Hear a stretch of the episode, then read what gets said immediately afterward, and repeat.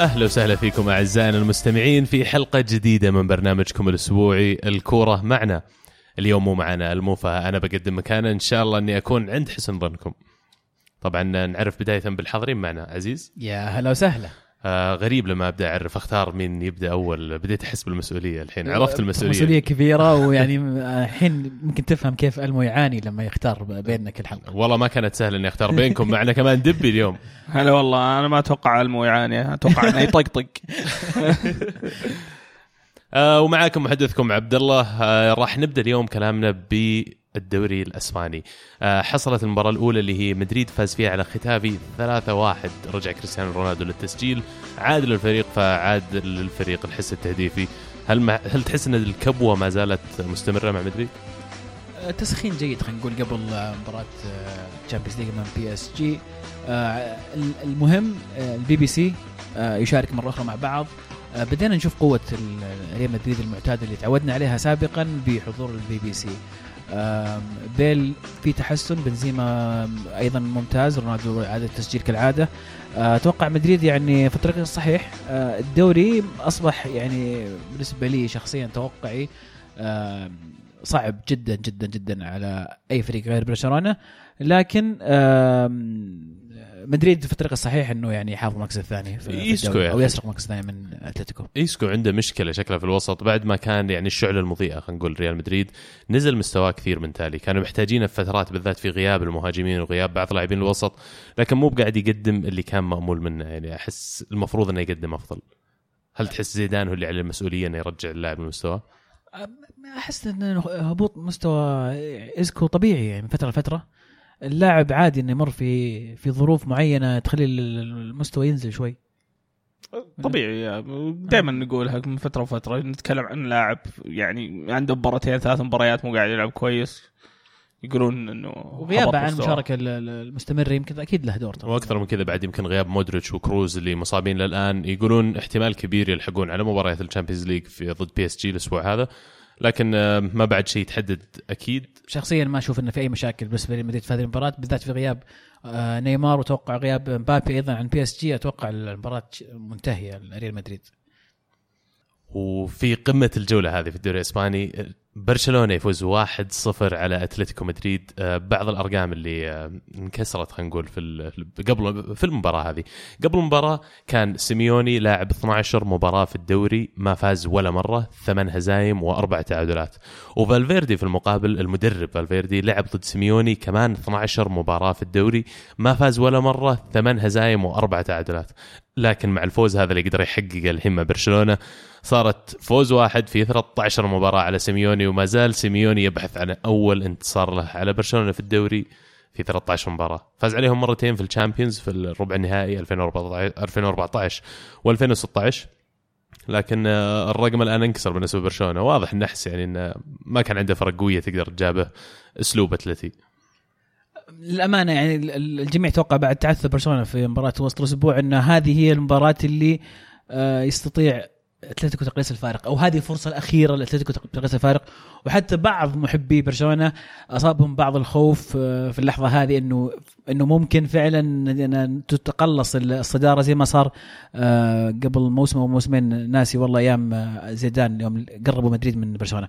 لكن آه صار ميسي خلينا نقول اللي صار ميسي طبيعي ورغم انه أصلا المباراة كانت تماما لبرشلونه يعني اتلتيكو كان آه في أقل من من مستوى المباراة في وجهة نظري آه ولكن كل اللي يحتاجه لحظة لحظة بارعة من ميسي اللي أعتقد الموسم هذا ربع أهدافه من ضربات حرة فقاتل جدا في ضربات حرة الموسم هذا. وأيضا سيميوني ذكر إنه ما أدري التصريح حقيقي ولا لا لكن إنه ميسي أخطر من البي بي سي. كلها مع بعض اي الحالة. فقد تكون يعني ضربة للجار لكن ومو بس هذا اللي صار لاعبين برشلونة هذه بالمباراة هذه بالذات بعد المباراة صرح بوسكيتس قال انه كذا تفوزون بالدوري. كان يتكلم عن أسلوب القتالي اللي كان يسوونه برشلونة. المباراة كانت آه، تعتمد بشكل كبير على الجسمانية وعلى الاحتكاك ال physical. وأتلتي من الفرق المشهورة إنه يعني يكسرون ويضغطون ومو بسهل إنك تلعب ضدهم. لكن برشلونة كل اللاعبين كانوا ند لند للي قاعدين يقدمونه أتلتي. كمان فالفيردي يا أخي الخيارات التكتيكية اللي قاعد يسويها الموسم هذا احييه عليها. كان يعتمد على 4 4 2 آه، فيدال كان يلعبه بدال كوتينيو أتكلم من بعد الشتوية. آه، ضد الفرق اللي كان يحتاج فيها إنه يوسع الملعب آه، يتحكم بالكرة بشكل أكبر. لكن في المباراة هذه نزل 4 3 3 واستخدم كوتينيو على الطرف اليسار بدل ما يستخدمه في الوسط. آه، تحسون إن المكانه أنا دائما أسألكم هالسؤال لكن لأني ما أقتنع من إجابتكم لما تقولون مكانه في الوسط مكان إنيستا ما تشوفون انه مكانه على اليسار كمهاجم ثالث مع سواريز وميسي؟ لا أنا أشوف كذا بيكون له يعني مدافع يغطيه آه لما يكون في الوسط يقدر ي... يعني المهاجمين يسحبون ال- المدافعين يكون عنده راحة يقدر يسدد. شفنا هد- شفنا أهداف واجد وهو يسدد من يعني هو داخل جوا ال- ال- ال- المنطقة يعني.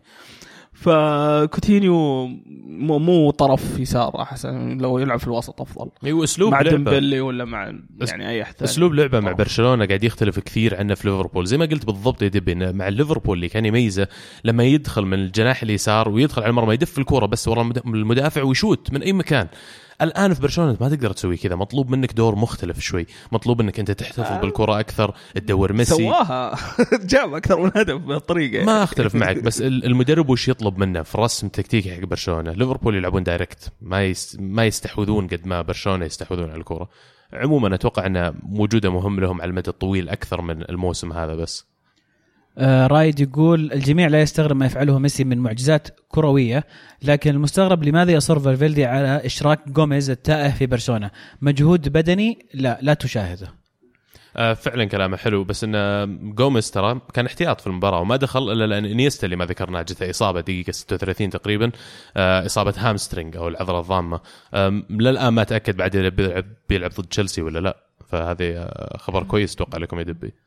بخصوص جوميز آه اللاعب للأسف إنه قاعد تجيه صفرات استهجان في الكامب نو مم. ولو ترجع لإحصائيات اللاعب شارك خارج ال- أو في مباراة خارج الكامب نو أكثر من الكامب نو أعتقد بهذا السبب إنه اللاعب يحتاج إلى آه، الثقة وال, وال والدقائق أكثر في في الملعب، اللاعب جيد، شفناه مع منتخب آه، البرتغال، شفناه مع فالنسيا الموسم الماضي، في الصيف كان عليه طلب كبير من أكثر من نادي، لكن يبدو أنه ما تأقلم مع آه، طريقة لعب برشلونة أو لم يتم توظيفه بالطريقة اللي يفضلها. ما ينفع لطريقه أو ما ينفع. لهم. أم، ما أدري صراحة يعني هل راح يظل جوميز أم أم, يمشي؟ لكن اللاعب أشوف إنه كويس. بس زي ما قلت يا عمر أشوف إنه يمكن مو مكانه برشلونة أو طريقة برشلونة ما تناسبه. وفي أندية كثيرة مستعدة تشتريه أتوقع بينجح فعلا مع أندية ثانية بس أشبه الآن وضع كاريك في مانشستر يونايتد. اللاعب يلعب مركز الريجيستا لو واحد يعرف اللي هو نفس تقريبا المركز اللي كان يلعب فيه بيرلو. لكن في التكتيك الإنجليزي ما في مكان اليوم للريجيستا ما يستخدم في الدوري. فعشان كذا تشوف إن كاريك آخر سنتين ثلاث سنوات قاعد على الدكة كثير في مانشستر يونايتد وانتهى وقته قبل ما المفروض ينتهي. وأتوقع جوميز نفس الشيء نوعية اللاعب ما تناسب الرسم التكتيكي حق برشلونة أو الدوري الأسباني. يمكن إذا راح نادي يلعب بطريقة مختلفة شوي يزبط أكثر. مازن يقول رأيكم بمستوى برشلونة حاليا بعد إصابة إنيستا؟ وهل لهم أمل بالأبطال؟ ومن هو بديل إنيستا في الأبطال ضد تشيلسي في ظل هبوط مستوى باولينو؟ ديمبلي موجود ولا؟ اي بس ما يلعب وسط. آه، يعني بيكون في ديمبلي و... مم. وبعدين ديمبلي ما لعب ضد أتلتي فيوريك إن المدرب ما يثق فيه في المباريات الكبيرة. وأتفهم هالشيء بعد فترة الإصابات اللي جته هو. اللاعب صغير يبي له يتعلم أكثر بس فعلا في الوسط مين عندهم يعوضه غير جوميز؟ سيرخي روبرتو يمكن؟ ممكن سيرجيو روبرتو يلعب فيدال على الطرف أو يعني ظهير. سيرخي بس روبرتو بس أصلا أتوقع إنيستا بيلعب. ما أدري حس أتوقع يلعب إنيستا؟ أتوقع بيلعب يا أخي. واللي قاله عزيز بعد قبل شوي أي فريق عنده ميسي بس ميسي يصير في المباراة وخلصت السالفة. يعني ما تحتاج 11 لاعب حتى. و- و- ويقدرون يمكن يستفيدون من اللاعب الزايد هذا. أتوقع فالفيردي بيخترع له كذا position جديد. ممكن يحط محور ثاني ممكن يحط ظهير ثاني. عنده خيارات لكن للأسف الخيارات المتاحة له ما هي في خط الهجوم. دينيس سواريز ممكن يصير خيار. وكوتينيو لأن المشكلة ما يشارك معهم في Champions بعد. هذه مشكلة إن كوتينيو ما يشارك صح. أشوف انه جوميز بس يحتاج دعم من من الجمهور يعني. إذا لاعب لاعب نزل وكل شوي بيصفرون عليه في الأخير انت قاعد تضر فريقك. يلا إن شاء الله يلعبون جوميز أنا ما أحبه شخصيا هل- لكن هل برشلونة لهم أمل في Champions؟ طبعا إيه، لهم إيه، أمل هو- بس يعني خلينا نتكلم عن- ال advantage لهم الحين. لا لا مو في التأهل. خلي التأهل. نتكلم أبعد من التأهل. إيه لهم لهم. يعني ممكن يكون أحد الأربعة اطراف هل تحطهم من النهائي. أربعة المؤهلين لما؟ تشوف مين ممكن إيه. يلعبون ضده يا أخي. الآن ضد تشيلسي خلصوا 50% من ال job واحد واحد آه، في تشيلسي صح؟ في لندن؟ في إي في ستامفورد بريدج. بقى مباراة الإياب. هم أقرب بكثير مباراة الإياب. إذا تأهلوا للدور اللي بعده خلينا نقول يوفي الآن أقرب إنه يطلع من إنه يبقى في المسابقة. آه ريال مدريد بيطلع بي إس جي الآن. آه ما بقى إلا بايرن وريال مدريد يمكن هم الفريقين اللي فعلا بيسببون خطر على برشلونة في البطولة. آه أما الباقي من بقى؟ ليفربول؟ اي ليفربول يتعبونهم صح؟ أتوقع ليفربول أخطر فريق على برشلونة. والله صدق. ما أحس. ماخذين كوتينيو والله. ليفربول لو يقابل برشلونة. محمد صلاح يا حبيبي. دفاع. خل أنا أفكر أفكر دفاع ليفربول شلون بيق- بيق- بالضبط بيقابل بالضبط ميسي. أنا قاعد أتخيل. أضحك يعني كمان ما ما أدري. أوكي هجوم يمكن يكون خطر بس يعني بيسجلون بيستقبلون أكثر مما يسجلون. بالضبط. والله ما يندرى والله أنا كثير. أنا أرشح ليفربول والله إنهم يتعبون برشلونة. أتمنى إنه يتأهل برشلونة يقابل ليفربول عشان بيزعلون. منك الليفربول لا يا أخي. مين؟ اللي ليفر ما أنا منك ما أقلل من ليفربول بس دفاعهم سيء. آه، عادي أنا أقول بصراحة. منك تتمنى لهم برشلونة. يعني أي فريق اللي فكر. اللي يشارك في ال Champions League لازم يستعد يقابل أي فريق. ما يزعل لما يطلع له بايرن كل سنة. شوف رحت Europa League الحالي الحين. آه عموما برشلونة أكيد ال- الإيجابية الكبيرة كانت إنهم تعدوا التعادل اللي صار ضد لاس بالماس المباراة الأخيرة وقدروا يطلعون بفوز مهم الآن. آه فرق بهم عن صاحب المركز الثاني اللي هو أتلتي مباراة الست نقاط مثل ما يسمون. آم، دمبوزي يقول هل تشوفون أن الليغا انحسمت لبرشلونة أو في أمل للأتلتي؟ خصوصا أن جدول الأتلتي سهل تقريبا. ما فيه إلا الريال صعب بعكس برشلونة اللي عنده أربع مباريات صعبة. ثمان نقاط بين الاثنين والمواجهات المباشرة لصالح برشلونة أشوف انه من زمان تكلمنا كان يمكن الشيء الوحيد اللي فيه شك لو فاز أتلتي على برشلونة في هذه المباراة آه، استطاع برشلونة الانتصار. أتوقع أن الموضوع مجرد مساله وقت. لو فاز. أتلتي فعلا كان الفرق بينهم نقطتين أما الآن فرق ثمان نقاط لا وسعوها كثير برشلونة قطعوا شوط كبير للقب. شيء أخير قبل ما نتحرك من المباراة الشراكة اللي ما بين دييغو كوستا وجريزمان. جريزمان خلال آخر كم من مباراة باستثناء مباراة برشلونة هذه قاعد يسجل أهداف غير طبيعية. أه، هدفين بعدين ثلاث أهداف بعدين أربع أهداف. معدل تهديفي رائع. أتوقع راجع بشكل أساسي لعودة دييغو كوستا في الفريق. المساحات اللي يخلق لك إياها المهاجم كنت تتفرج عليه أيام ال Premier League مع تشيلسي من أصعب المهاجمين إنك تلعب ضده وجريزمان انبسط على ال space اللي انخلق له في ال- ال- المباريات لكن ما قدر إنه يفرض نفس الأسلوب على برشلونة. أتفق معك تمام. آه، نذكر بجدول الترتيب برشلونة المركز الأول 69 نقطة المركز الثاني أتلتي 61 الثالث ريال مدريد ب 54 نقطة. انحسم الدوري. في ال Premier League. الدوري الإنجليزي. الدوري الإنجليزي الأسبوع هذا كان آه، مباريات كالمعتاد. ليفربول فاز 2-0 على نيوكاسل. صلاح سجل لا جديد. آه كمان آه، برايتون فاز 2-1 على أرسنال. ثلاث هزائم متتالية. ولا أربع بعد؟ لا ثلاثة. ثلاثة. آم، فينجر المفروض يقدم استقالته اللي مش عارفه يسوي. ان أو اللي سمعت ان اربعه خارج الأرض متتالية واربعه في كل البطولات إي مع أوسترسوند الظاهر اللي قبل آه،. السويدي بعد صح لا، أربع. مباريات متتالية أسبوعين اربعه في كل. البطولات إي. وأربعة away في الدوري آه، سألوا فينجر بعد المباراة قالوا له يعني وش بتقول عشان تطلع عيبة من هذه الأجواء عرفت اللي وتشوف وتشوف- وتشوف ال- ال- المقدم هو يسأل السؤال وش فينجر قاعد يتقلب لأنه قاعد يقول له في ظل ال- ال- المستوى السيء هذا وش ممكن تسوي؟ وتقول للعيبه انه آه، كيف طلعهم هذا الشيء؟ وفينجر يقول صدق إنه هذا يعني وصلنا لمرحلة غريبة ما قد يعني صارت لكن سبق ومرينا في ظروف صعبة وطلعناهم من هذه الحالة. أعتقد انه يعني فينجر فينجر هو نفسه ضايع. مش الرجل لما يتكلم الآن في المقابلة هذه تشعر فيه إنه مو مو مو بالثقة اللي تعودنا على فينجر. فينجر كان يعني خلاص واحد له 20 سنة يدرب. تعود الانتقاد تعود المشاكل تعود على كل شيء. المرة هذه لما تشوفه يتكلم تحس إنه هو نفسه مو ما عنده الثقة أو مو واثق من نفسه زي ما كان أول. لما في- تنهزم أربع مباريات زي كذا على التالي واحدة منها final مرتين ضد نفس الفريق بينها ثلاث أيام. عليك ضغط غير طبيعي. توك شاري لاعب مثل أوباميانج ومطلع لاعب مثل أليكسيس. الضغط ما قد وصل لهالمرحله على فينجر وأكيد إنه راح يكون ضايع الكلمات. ال away form ولا مس... نتائج المباريات اللي بعيد عن الملعب الموسم هذا في الدوري شيء مخزي الصراحه و- ويعني عيب عليه أصلا إنه للآن جالس لو اني مكانه وانهزمت أربع مباريات متتاليه زي كذا والفريق في المركز السابع طقيت استقالتي ومشيت يا أخي وش يعني لازم تقال بعد 20 سنة شو كذا تسوي؟ تطلع شو لا؟ شوف شوف موضوع إن فينجر يطلع وسط الموسم هذه من يعني مرة صعبة ما أبغى أقول من المستحيلات لكن شبه شبه المستحيل. شبه مستحيل دائما نقصوا على مورينيو. أنا شخصيا دائما اقسو على مورينيو. أقول إنه مو قاعد يتغير ولا يتعلم شيء جديد لكن الواقع انه حتى أرسن فينجر مو قاعد يتغير ولا قاعد يجيب شيء جديد. فمعليش مع الأسف يعني ما أبغى أطيل الحكي أكثر لأن زبالة كانت مباراة باستثناء ال finish حق اوباميانج اللي كان جميل. حمزة يقول نقول فينجر out هذا الموسم بشكل نهائي. الأعمى والغبي والجاهل آه، يعرف ان إنه الفريق وصل لحده مع هذا المدرب. لماذا تتمادى إدارة أرسنال؟ والله ما عندي جواب فعلا. تعليقك في محله. يعني أحس طفشنا وحنا نسولف عن فينجر والله أخي. يعني كل حس أسبوع- طو من جد من جد طولت السالفة. آه، ما ما أدري وش اللي بيخلي فينجر يمشي. اذا إذا إحنا كلنا مجمعين إن الموضوع طول وطفشنا من من نسولف عن نفس الموضوع أكثر وأكثر صدقني بيجي يوم اللي يمشي فيه وبنتحسف نقول أوه قلت الاشياء يمدينا نتكلم عنها. الله يرحمه فينجر مشى. عرفت اللي إيش يسوي الحين؟ يا الله. إيه شو أخبار أرسنال؟ أقول لك والله فايزين؟ أوه، موضوع؟ جديد مانشستر يونايتد كمان بيلعب ضد كريستال بالاس. آه، بس مباراة لسه ما لعبت. يوم الاثنين الساعة 11 في الليل المباراة للأسف ما راح يمدينا نغطي لكم إياها.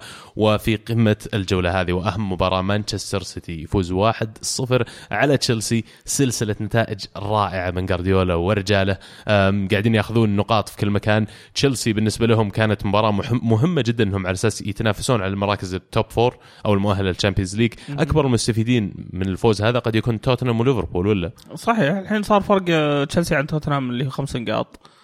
آه، السيتي استغلوا الوسط ماسكين الوسط وخاصة بغياب آه، نقولو كانتي. ما أدري ليش ما لعب حد عنده علم.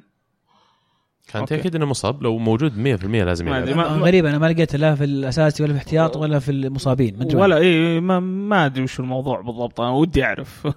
بس أتوقع آه، رايح رجلية لبرشلونة. مسبك لكم. مسبك. باقي وين ميسي؟ وين ميسي؟ طيب. وين ميسي؟ في مسكة من الحين. آه، خسر آه، خسرنا تشيلسي في في المباراة هذه صراحة. آه، وسط درينك واتر فابريجاس مو قادرين يعني مو قادرين يعني قطع الكره كان صعب مرة لدرجة إنه كان في فرص يعني تشتيت عشوائي. درينك واتر وفابريجاس ما ينفعون يلعبون مع بعض. اثنين وسط آه، أدوارهم يلع-؟ يعني لع- إيه، يعني لعيبة الدائره ما ينفعون يعني إنهم يلعبون ك يعني تحتاج محور يقطع كور تحتاج لاعب يصنع فيها. وممكن مباريات زي كذا تحتاج محورين يقطعون. وتلعب على ال- ال- ال false nine هذه يعني يصيروا الثلاثة يحاولون هم اللي غريبة ما لعب مهاجم صريح. استغربت كنت ما بدا مهاجم. يعني آه، هو ما هو. ماخذها والله ما تفاجأت هو هو ماخذها بروفا حقت برشلونة آه، إيه الإياب. قاعد يفكر شلون بيلعب. هذا اللي أنا قاعد أشوفه لا لا بس يعني ما أدري حسيت إنه ما كان في أي نوع من الاهتمام في لقطة انتشرت طقطقت سيتي كيف إنه يلعبون آه، وأنا قاعد أشوفها لايف كذا لعيبة برشلونة. واقف لعيبة عفوا لعيبة تشيلسي واقفين ما في ضغط ويعني ما أدري أنا ما ك... يعني في ذيك اللحظة ما كنت ما أتذكر اللقطة بس كنت ما كان يزعق عليهم لأن كنت عادة من النوع اللي ما يسكت على الخط ما لو شاف. لقطة زي كذا هو كنت الظاهر إنه كان آه، عقله هو شكله برضه برا المباراة اي ما كان مركز في هذه المباراة. كان عنده يمر في ظروف لكن غريب جدا hard luck والله. أول شيء ديبي فعلا ال- ال- السيتي فريق قوي وأنا بالذات إيه. كأرسنالي ماني في مكان اني اهايط عليك على الفوز لكن ترى 1-0 كانت كويسة كان ممكن السيتي كان يفوزون ممكن بفرق تكون أكبر أكبر إيه. يعني أنا زي ما أقول لك كان في تخليصات عشوائية الشوط الأول كان. كويس اي الشوط الأول كان أداء تشيلسي جيد يعني التكتيك اللي حطه وخاصة. ويليان يعني إي. أكثر لاعب كان ويليان يعني فعلا الآن أثبت نفسه أنه أهم لاعب في المباريات الكبيرة لتشيلسي أستغرب أنه ما يعتمد من جديد على مهاجم صريح على أساس أنه يساعد ويليان وهازارد بيدرو بالنسبة لي ما له مكان يا أخي في, آه، في ما هجوم وحتى في. المباراة هذه ما حسيت أنه سوى شيء كويس يعني في المباراة حتى دفاعيا ما كان ذاك الزود. ألونسو في الهدف ألونسو إيش كان يسوي ألونسو؟ شوف ألونسو كريستيان كريستيانسن وروديجر يا ما ادري مين روديجر اللي قال خلوها. الحين كريستيانسن شاتها في ازبيليكويتا صح؟ إيه. وألونسو المفروض انه يغطي آه، برناردو, برناردو سيلفا. بس إنه اللاعب ما التف يعني اللقطه كاملة ما طل شاف من وراه. ما ما طل إنه إيه. نشوف اللي وراه وبرضه روديجر قاعد يأشر إنه خلوها. خلوها لمين؟ انه إنه خلوها تمشي يعني ما ما حد ما في حد. لا تخبيص تخبيص كان. تخبيص دفاع يعني تحس انهم أول مرة يلعبون مع بعض. طيب تشيلسي الآن تعادلوا في الذهاب مع برشلونة واحد واحد. والآن خسروا من السيتي. ويونايتد. ويونايتد ما بعد ولا؟ آه صح الأسبوع اللي قبله أي. آم، مو بالسكريبت قاعد يمشي زي السنة اللي حققتوا فيها الشامبيونز بالضبط. الآن مو بتيجي الفترة الحين اللي تقيل فيها المدرب وتحط مدرب أبو كلب ويجيب لك الشامبيونز؟ واضحة واضحة يعني. دي ماتيو ما كان أبو كلب طيب. ديم- ديم- دي ماتيو وقتها ما كان يعني ما كان الاسم اللي تتوقع ما كان هيدينك مثلا اللي دائما يجي يمسك تشيلسي ما كان أبي واحد زي طيب طيب مين مين بتجيب؟ ما أدري يا أخي أنت قول لي من عندكم في النادي؟ إيمينالو ممكن تمسكه؟ لا منالو ما راح يرجع لتشيلسي. منالو أصلا طلع بداية الموسم. مين مين مساعد المدرب حق كونتي؟ آه، وش اسمه؟ ما تعرف اسمه. هو- ممتاز ممتاز. هو لا لا هو نفس مساعده من أيام اليوفي. إيه. ممتاز، خلاص. عشان كذا سألت عبد إيه، العزيز إيه. توقعت اعرف ما دامك ما تعرف اسمه ممتاز. هذا اللي تدوره انت تبي واحد. مغمور يمسك النادي إيطالي يرتب الوضع يا حبيبي تروح ما يردك إلا الشامبيونز ترى. كنت في المؤتمر الصحفي قال سألوني عن هو كم؟ أربع خسائر في آخر أربع مباريات الظاهر شيء زي كذا أو آخر أربع خسائر له. قال إنه الخسائر الأخيرة لي كلها يعني ممكن يعني أحس إنه إحنا قصرنا في شيء إلا اليوم. قدام سيتي. ما أقدر أقول شيء. هم أحسن مننا. يعني خسرنا قدام فريق ممتاز فاز أحسن علينا. من الدوري كله يعني. اي عرفت اللي يعني كان مقتنع. أنا أعتقد طبعا هو تصريحاته في ذيك اللحظة الرجال كان نفس نفس هي نفس يوم آه، اللي تو- توفى فيه اللاعب آه، الإيطالي. فأتوقع إن لا هو كان طبعا مدرب آه، راح أتكلم فيها بعد شوي درب في المنتخب فكان متأثر جدا كونتي. وأتوقع هذا انعكس على وأتوقع على- المباراة حتى هو كان داخل على الصفر صفر ما كان متوقع يعني. وبرضه ترى من الاتحاد تطلع خسران 1 0 ترى ما هي ما هي بأشياء النتيجة خلينا نقول.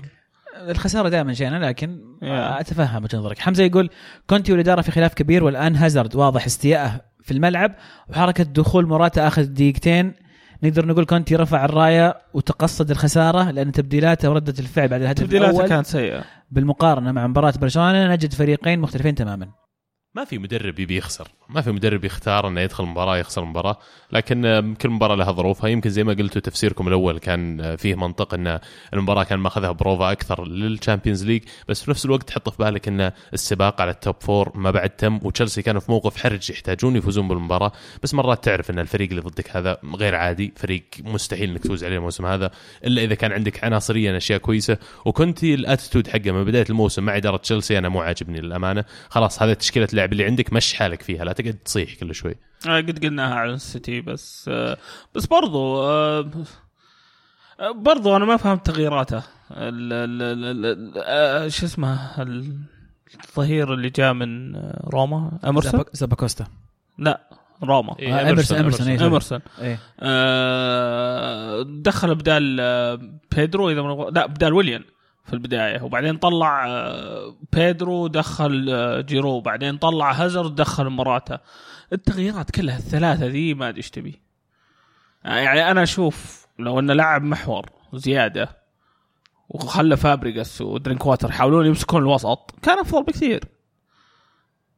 ممكن تطلع بيدرو يعني تدخل باكيوكو ولا أي أحد محور ما اتذكر من كان في الاحتياط.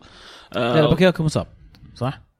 أكيد ولا كان إيه. لعب. أتوقع إيه. أتوقع. وبعدين مستواه نازل أصلا وهذا موضوع حذرتكم منه يا عمر. الصيف الماضي قبل ما يبدأ الموسم قلت لك التبديلات أو الانتقالات اللي سوتها سويتوها أو سواها نادي تشيلسي كانت one to one طلع لاعب جاب بداله لاعب في نفس المركز ما كبر ال squad مع إنه صارت عندك بطولة زيادة. ما كان عندك حتى يوروبا ليج الموسم الماضي وبديت الموسم هذا وعندك تشامبيونز ليج بتلعب ضد فرق عال- عالية المستوى بنفس عدد اللاعبين اللي موجود عندك. يتفق معاك. هذه كانت تصريحاته يعني في الصيف كان يبي يجيب صفقات ما قدر تشيلسي يجيب الصفقات هذه.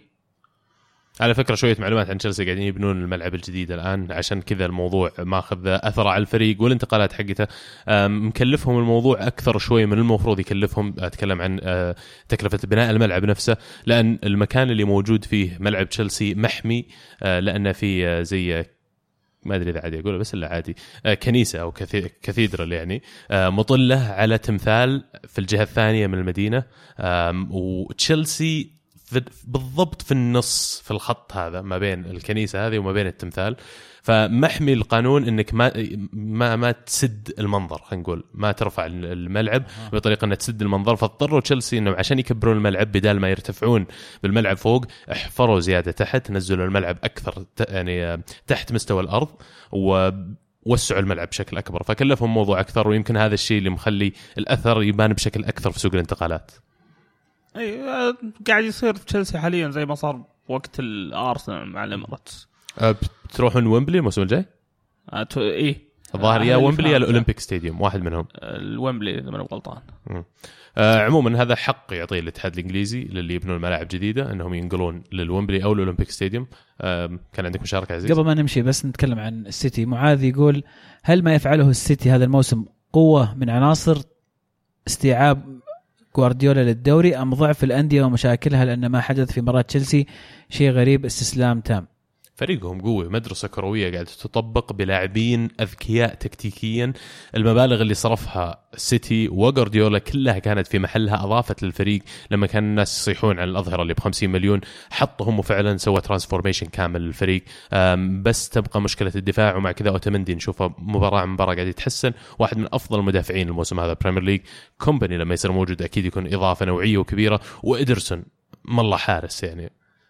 روعة. آه أنا كنت تقول وقت مباراة حتى وقت مباراة آه، نابولي روما إن آه، تيتي مدرب البرازيل عنده مشكلة جميلة اللي هي من اللاعب حارس. آه إدرسون ولا أليسون. أليسون؟ أليسون. أليسون ولا إدرسون؟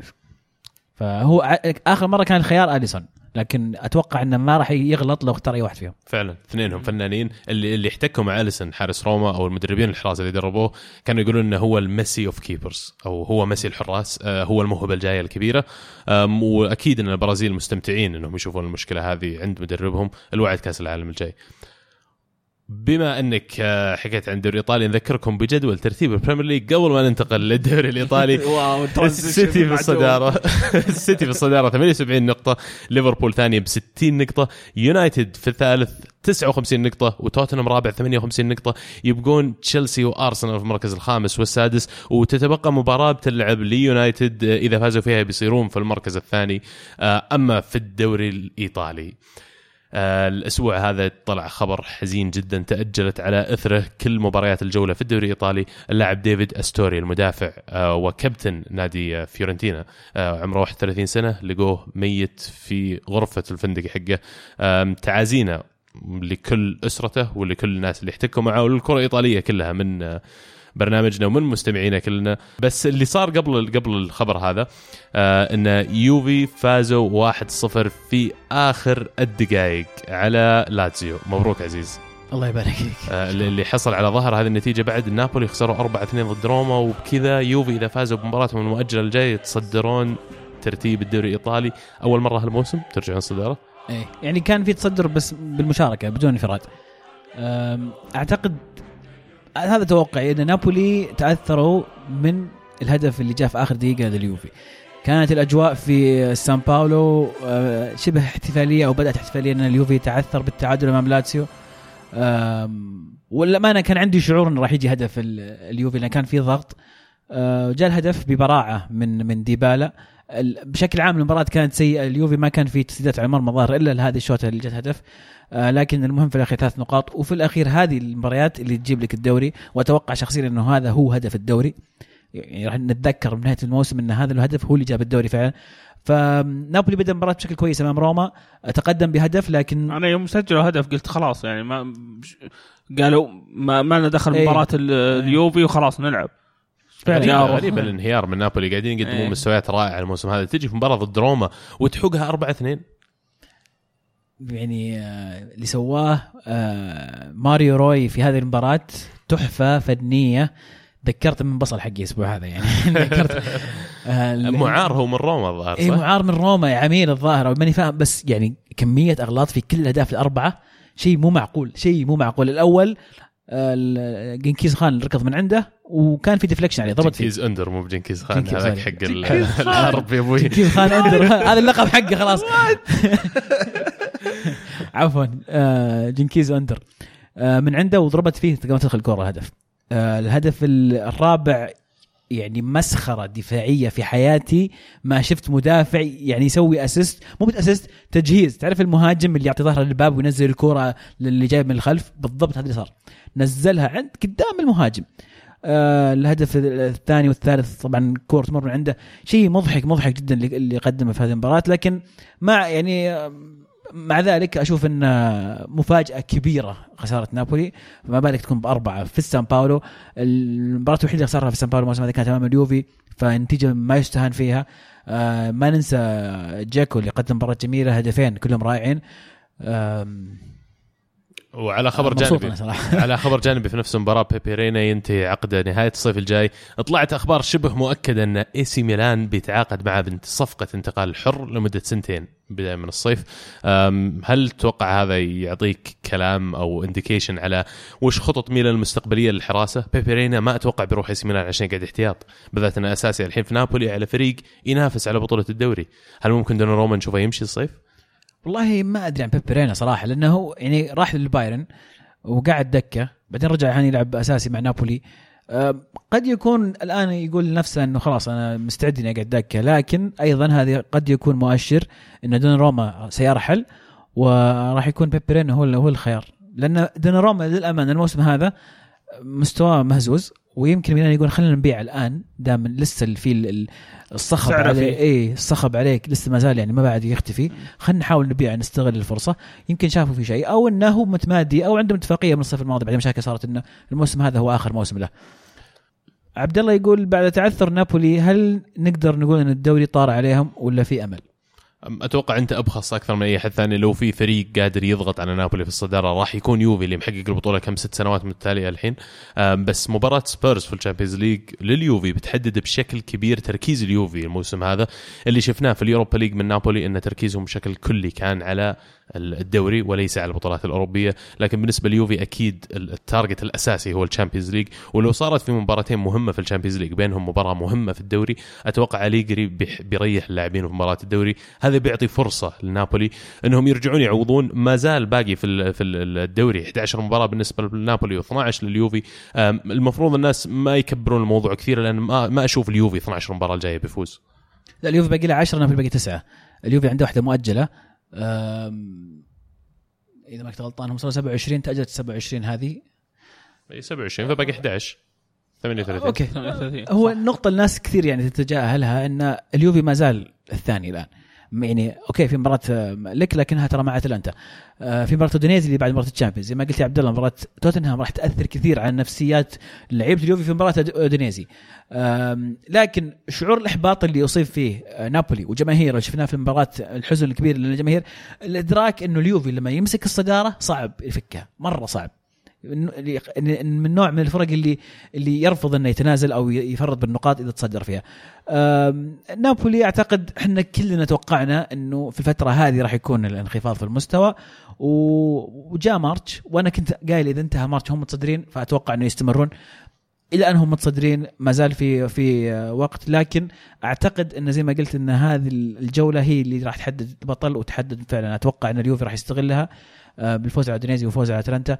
إذا ما تأثر نفسيا لا سمح الله من خسارة أمام توتنهام. عموما نذكركم ترتيب جدول ترتيب الدوري الإيطالي. نابولي في الصدارة بعد 27 جولة ب 69 نقطة. يوفي تبقى له مباراة مؤجلة عنده 68 نقطة. فرق نقطة واحدة في المركز الثاني. أما الثالث روما ب 53 لاتزيو بعدهم ب 52 إنتر بعدهم ب 51 ما بين الثالث والرابع والخامس نقطة نقطة نقطة. تحتهم بعدين سامبدوريا وإي سي ميلان اثنينهم سادس سابع بنفس النقاط 44 نقطة. إلى حد كبير تأهل تأ... خلينا نقول تأكد اللي بيتأهلون لل Champions League إنتر الآن لو يواجهون صحوة متأخرة ممكن أو يرجعون يلقون صحوة متأخرة ممكن يرجعون للمراكز ال Champions League لكن روما كان فوز مهم ورائع بالنسبة لهم على أساس يثبتون نفسهم في المركز الثالث. عندكم اعتراض على ال top four انه واحد منهم بيتعثر مو متأهل؟ أنا احس المركز الرابع ما زال يعني ما لم يحسم بعد. بين لاتسيو وإنتر. ممكن إيه. في اريك حتى الميلان يعني ممكن ترى. الميلان مو بعيد سبع نقاط إيه، ترى فرق. والديربي آه، لما ينلعب راح يكون له دور كبير في الموضوع النتيجة راح تكون بالضبط. آه، مؤثرة. إريك جيرتس يقول إيه لك الله يا نابولي. كان بالإمكان أفضل مما كان. باين إن نابولي داخل قدام روما وهو خايف على وشه. ما أدري أكثر شيء حزني جماهير نابولي بالله. يلا hard luck. مبروك عزيز الدوري. مبروك لكم كسر رقم ليون الفرنسي. سبعة دوري متتالي. أنا تعرفني يا إريك ما أحب آه، أي تب... ما أحب. أي تبريكات لين ينحسم رسمي. وحنا يعني واليوفي ما زال في المركز الثاني إلى اليوم ف يعني ما له داعي نستعجل. لكن فعلا المباراة كانت مهمة. أم، نوصل لأهم مباريات ال Champions League الأسبوع الجاي. لازم بس نذكرها على السريع. البي اس جي راح يستضيف ريال مدريد. مباراة الذهاب كانت منتهية 3-1 في البرنابو لصالح مدريد. بي اس جي أسوأ خبر بالنسبة لهم إصابة نيمار بكسر في امشطه في امشاط القدم.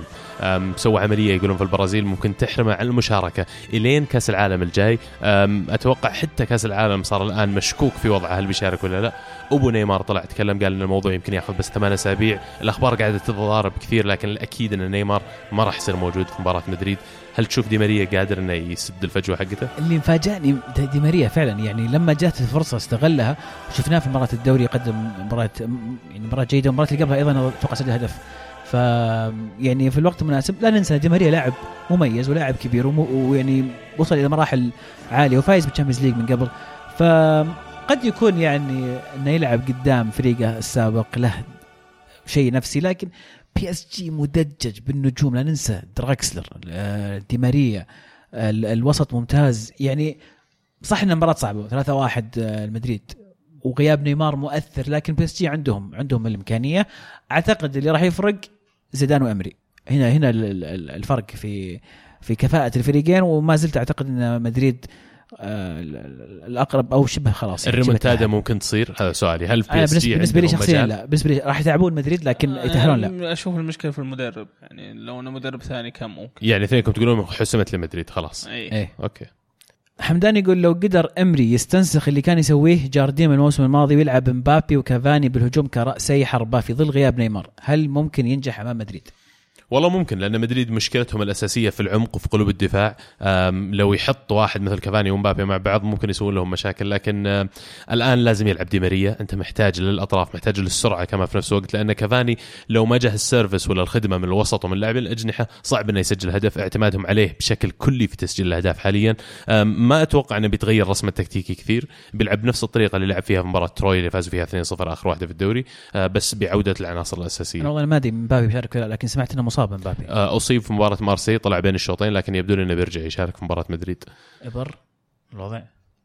والله إيه لا تستبعد صدق ترى يعني. يسوون هالشيء يس يضربونهم طبعاً. اوبر مسكنات بعض إيه. اللاعبين إذا كانت في مباراة مهمة جدا بس إنه غالبية الأحيان يغيب على مخاطرة. أثرها لا لا ما فيها مخالفة مخاطرة فيها إيه، مخاطرة بالضبط. إنه يغيب بالضبط، أطول صح. تزيد فترات الغياب بس ملاحظة أخيرة على نيمار آه، كمحب لكرة القدم أتمنى يرجع كأس العالم واللي سمعت إنه راح يرجع يكون جاهز قبل أول مباراة للبرازيل بأسبوعين آه، ما أدري طبعا الأخبار كثيرة لكن كمحب لكرة القدم أتمنى إن كل النجوم يكونوا حاضرين في كأس العالم هو فعلا دائما كجماهير كرة قدم نحب نشوف أفضل اللاعبين موجودين حتى قبل كأس العالم ودنا يرجع يشارك الموسم هذا.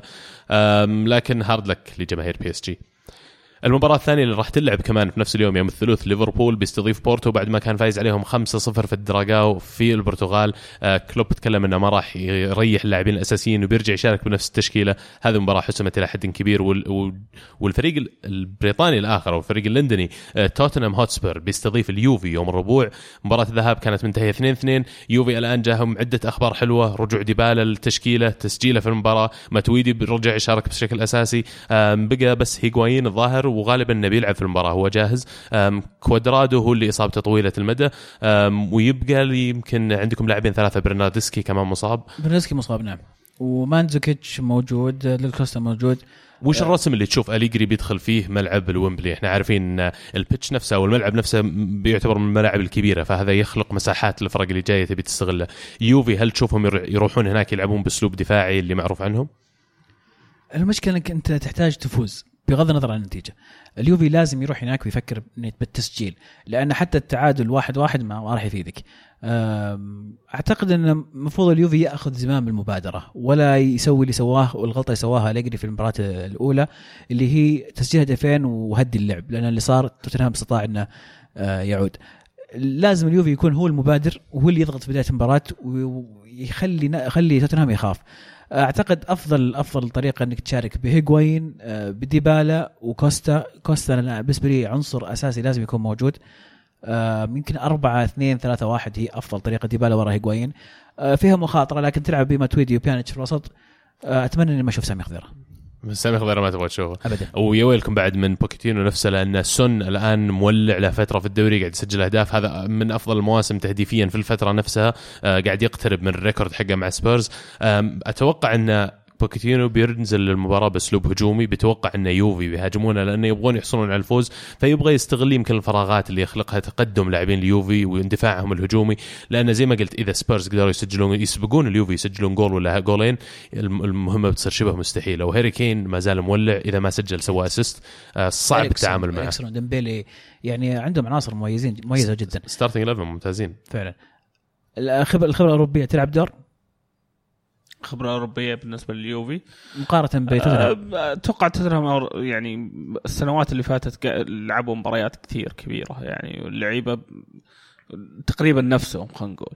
فأتوقع عندهم الخبرة ممكن يعدون هالمباراه 100% كلام دبي. الفترة الأخيرة أكثر الانتقادات كانت على سبيرز أنهم مو بفريق عنده الخبرة الأوروبية ولا عندهم القدرة أنهم يحققون نتائج ضد أفضل الفرق في أوروبا. لكن المباراة هذه بالذات خلي خلي عنك ريال مدريد وبدور المجموعات وأن توتنهام قدر يتصدر المجموعة. رحت ضد يوفي ورحت في ملعب اليوفي واحد من أصعب الملاعب اللي تكلمنا ذاك الوقت أنه 15 مباراة ما دخل عليهم إلا هدف واحد وسجلت عليهم جولين في نفس المباراة. سبيرز قاعد يثبت أنه يستاهل يصير موجود في المسابقة هذه قاعد يثبت كمان من ترتيبه في الدوري الإنجليزي أنه بيتأهل من جديد لل Champions League يستاهل يصير في البطولة هذه. آه هنيئا لهم والله المدرب والإدارة اللي قاعد تخطط صح؟ أحييك لأن الكلام هذا جاي من أرسنالي فتحية. كلمة حق والله كلمة حق.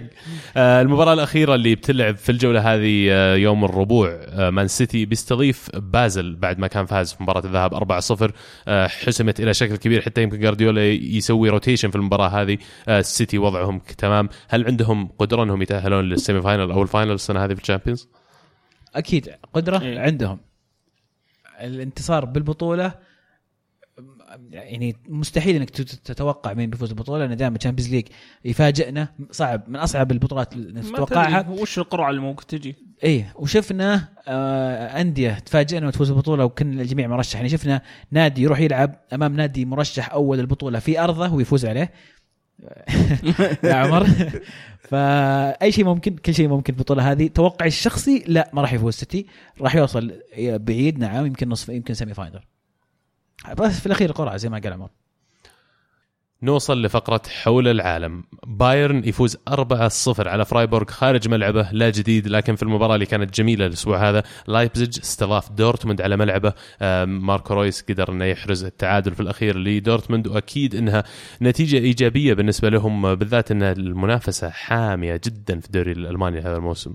على المراكز الثلاثة اللي بعد المتصدر. بالضبط. آه، أتوقع ال- ال- المنافسة فعلا زي ما قلت يا عبد الله على المركز الثاني. الآن كذا سنة نشوف إن الفرق تتنافس من يكون المركز الثاني. في بداية الموسم في فريق يحاول إنه يزعج البايرن شوي لكن في الأخير آه، قوة البايرن وهيمنة البايرن على هذا الدوري مستمرة. آه، وصعب إنك تقول غير كذا. عودة المدرب القدير هاينكس هاينكس أتوقع لها أثر إيجابي كبير بسرعة لقى التوليفة المناسبة اللعيبه متعودين عليه يعرفون أغلبهم فما كان في أي مشاكل. آه، لا وأقول لك معلومة بعد الفرق ما بين الأول والثاني أكبر من الفرق بين الثاني ومراكز الهبوط. فالدوري كله قريب من بعض في المنافسة وبايرن في دوري لحاله. خلصوا. بايرن هي هو خلصوا. موضوع التخليص هذا يعني محسوم من زمان. آه، صالح يقول ما هي أفضل خطة لبايرن الرسم التكتيكي من اللاعبين؟ وأشوف تياجو إذا صار واحد من المحورين يفتح ثغرة أتمنى يكونون محاورنا فيدال ومارتينيز ويكون تياجو خلف المهاجمين مع التعاقد مع أجنحة سوبر في الصيف. بيكون فريقنا ما له مثيل ولا أحد ينافسنا وأنا أرشح بوليسيتش وليمار. رائعين الاثنين وفعلا ينفعون لهم لكن اللي بيتحدد بشكل كبير على حسب مين المدرب اللي يجيبونه لأن هاينكس ظاهر بس بيجلس للصيف جاء فترة محددة آه كبديل لأنشيلوتي اللي اقيل والرسم التكتيكي اللي يبغى يستخدم المدرب راح يحتم بشكل كبير على مين اللاعبين اللي يجيبونه. بالذات حط في بالك ليفاندوفسكي يمكن يطلع الصيف هذا. فإذا طلع الآن أنت تروح تعوضه ب striker super مثل ما قال ولا تروح تجيب أجنحة؟ لا تحتاج تجيب أجنحة ولعب مولر قدام. وجهة هذا طريقه نعم صحيح. إيه. لا. أنت بتلعب مولر على على الطرف لكن أنا أشوف مولر لو يرجع للوسط اللي يعني قصدي رأس الحربة إيه. فهو من أفضل اللعيبة في هذا المركز. ينفع. يعطيك إنزاجي كلوزه. كلوزا ألماني مثله. عموما بعد نهاية الجولة هذه ما راح أقول لكم البايرن في الصدارة لأن أكيد البايرن في الص- في الصدارة اللي بعده شالكة في المركز الثاني دورتموند المركز الثالث والرابع أينتراخت والخامس باير ليفركوزن. الفرق ما بين الثاني والخامس نقطتين كلها على بعضها مولع الدوري الالماني وال Champions League هذا الموسم. في الدوري السعودي الهلال فاز 1-0 على الفيصلي. مبروك عزيز. الله يبارك فيك. آه ريفاس سجل أول هدف في الملعب الجديد. الفيصلي فريق ما هو سهل المركز الثالث في الدوري وقدم موسم أكثر من رائع آم، فالمباراة كانت صعبة والفيصلي فعلا الشوط الثاني كان هو الفريق الأفضل لكن انتصار مهم آه، والاستمرار في الصدارة آه، في ظل آه، استمرار الملاحقة من الأهلي. أم، والنصر كمان فاز 4 3 هذه الجولة على الرائد آه، بعد ما كاد انه يضيع نقاط المباراة. كانوا المباراة؟ 3 1 متقدمين. الرائد جاب التعادل 3 3 والسهلاوي حسم المباراة في الأخير. أه، فترة انتقالية وتغيرية بعد حل مجلس الإدارة في نادي النصر في خلال الموسم هذا. الآن الإدارة الجديدة بإدارة سلمان المالك واللي شغالين معه. قاعد نسمع وعود كثير. قاعد نسمع إن الجماعة قاعدين يشتغلون. من الأشياء اللي أنا شفتها إلى الآن النادي جالس يستقر والاستقرار دائما شيء كويس في عالم كرة القدم. ن- متجهين للاتجاه الصحيح في ظل دعم آه، من هيئة الرياضة والاتحاد السعودي لجميع الأندية السعودية. آه، إن شاء الله نتفائل باللي قاعد يصير حاليا ونقول البداية الفعلية للدوري والتغييرات اللي حصلت راح تكون بداية من الموسم الجاي. آه، الموسم هذا صار فيه آه، تخللات كثيرة وتوقفات كثيرة يمكن بسبه مشاركة المنتخب السعودي في الصيف الجاي في روسيا. فمستوى المنافسة مو هو باللي نطمح له لا لا من نصر ولا حتى من اتحاد ولا من الشباب ولا من الأندية اللي باقيه نقول الموسم الجاي يمكن إن شاء الله يصير فيه التنافس بشكل أكبر. والأهلي يفوز 5-1 على التعاون في جدة في مباراة تناوب على تسجيل الأهداف. خمس لاعبين مختلفين من الأهلي. ما زالت المنافسة قائمة على صدارة الدوري السعودي ما بينهم وبين الهلال. الدوري يمكن ما راح ينحسم إلا في المواجهة المباشرة اللي بينهم ظنك؟ باقي مباراتين لكل آه، نادي من الهلال والاهلي بعدين يتواجهون بعدين مباراة أخيرة. قد تكون هي مباراة الحسم فعلا.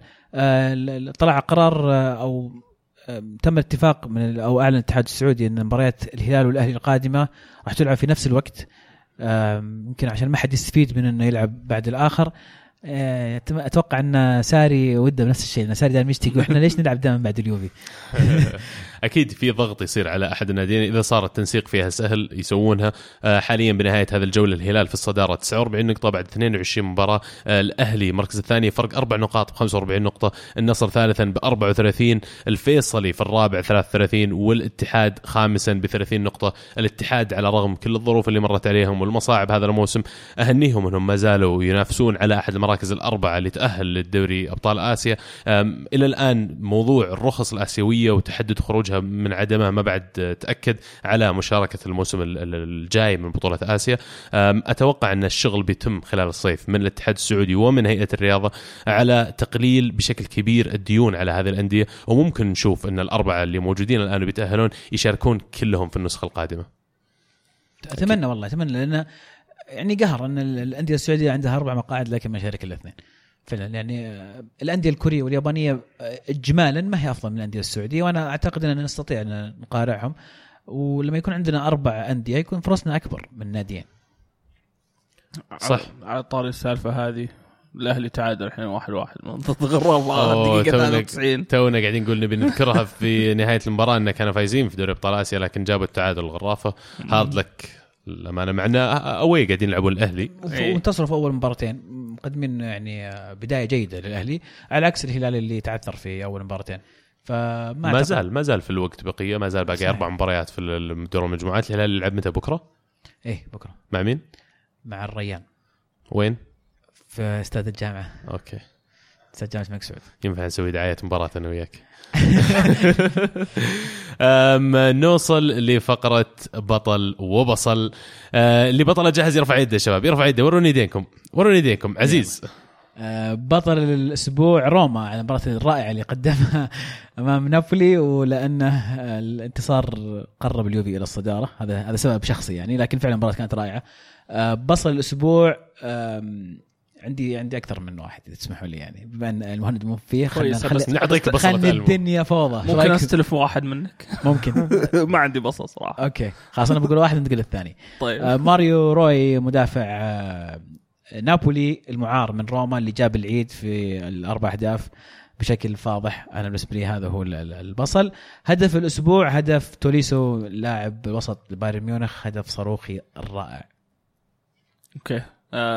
بطل الأسبوع بالنسبة لي آه السيتي اللي قدر يفوز على الأرسنال وتشيلسي في الأسبوع هذا آه بدون ما يدخل فيه ولا هدف صار ولا إيه إيه آه بصل أسبوع أتوقع قصدك كراسكو جوتن صح؟ صح، إيه، أي جايتان. قايل لي قبل الحلقة إيه، إيه. أنا ترى ترى ما قلت عشان أعطيك فرصة تقول. إيه تفضل. لا- لا حط أنا اللاعبين تركوا طبعا أندية كثيرة كانوا مهتمين. فيهم في أوروبا وغيره واتجهوا للدوري الصيني فجأة وسط أنا الموسم. ما استوعبت لو عزيز يوم يقول لي قبل الحلقة الا انه يعني باقي كم شهر على كأس العالم تبعد عن الانظار كلكم تبون تلعبون مع منتخباتكم كاراسكو مطلوب في اليوفي مطلوب في أرسنال يعني اي أتوقع كثير أندية تبغاه لكن الفلوس تتكلم ترك كل هذا في وسط الموسم مع أتلتيكو قال طز مشاريعكم كلها السلام عليكم أنا بروح الصين بتعلم آه، ماندرين وبجمع لي كم. وش عملتهم ينهم لا مو بالين إلا الين هو صح؟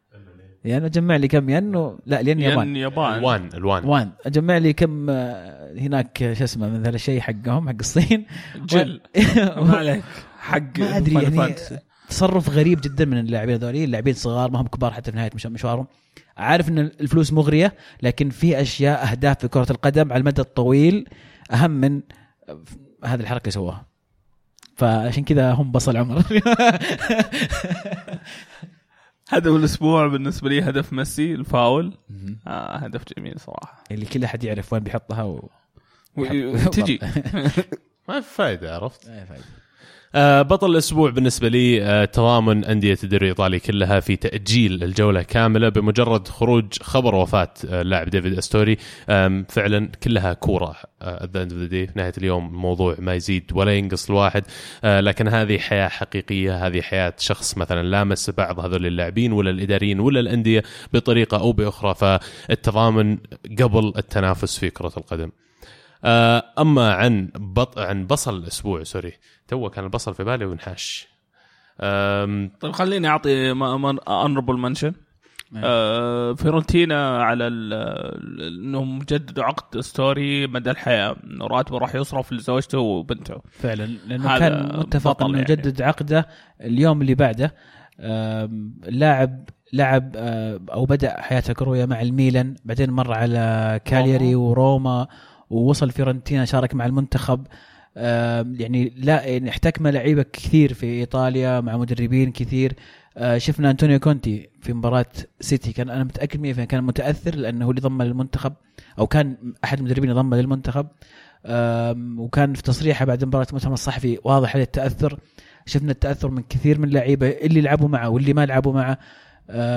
واحد في الأخير لما يفكر إنه يعني آه، الأعمار بيد الله. اللاعب رياضي شخص رياضي نشط مو بانه أحد يعني مثلا ما يتحرك. وهو في معسكر في في غرفته وهو نايم آه، توفى. فيعني صدمة قوية مو بس لل يعني للي حوله لجميع الرياضيين وجميع من يتابع كرة القدم.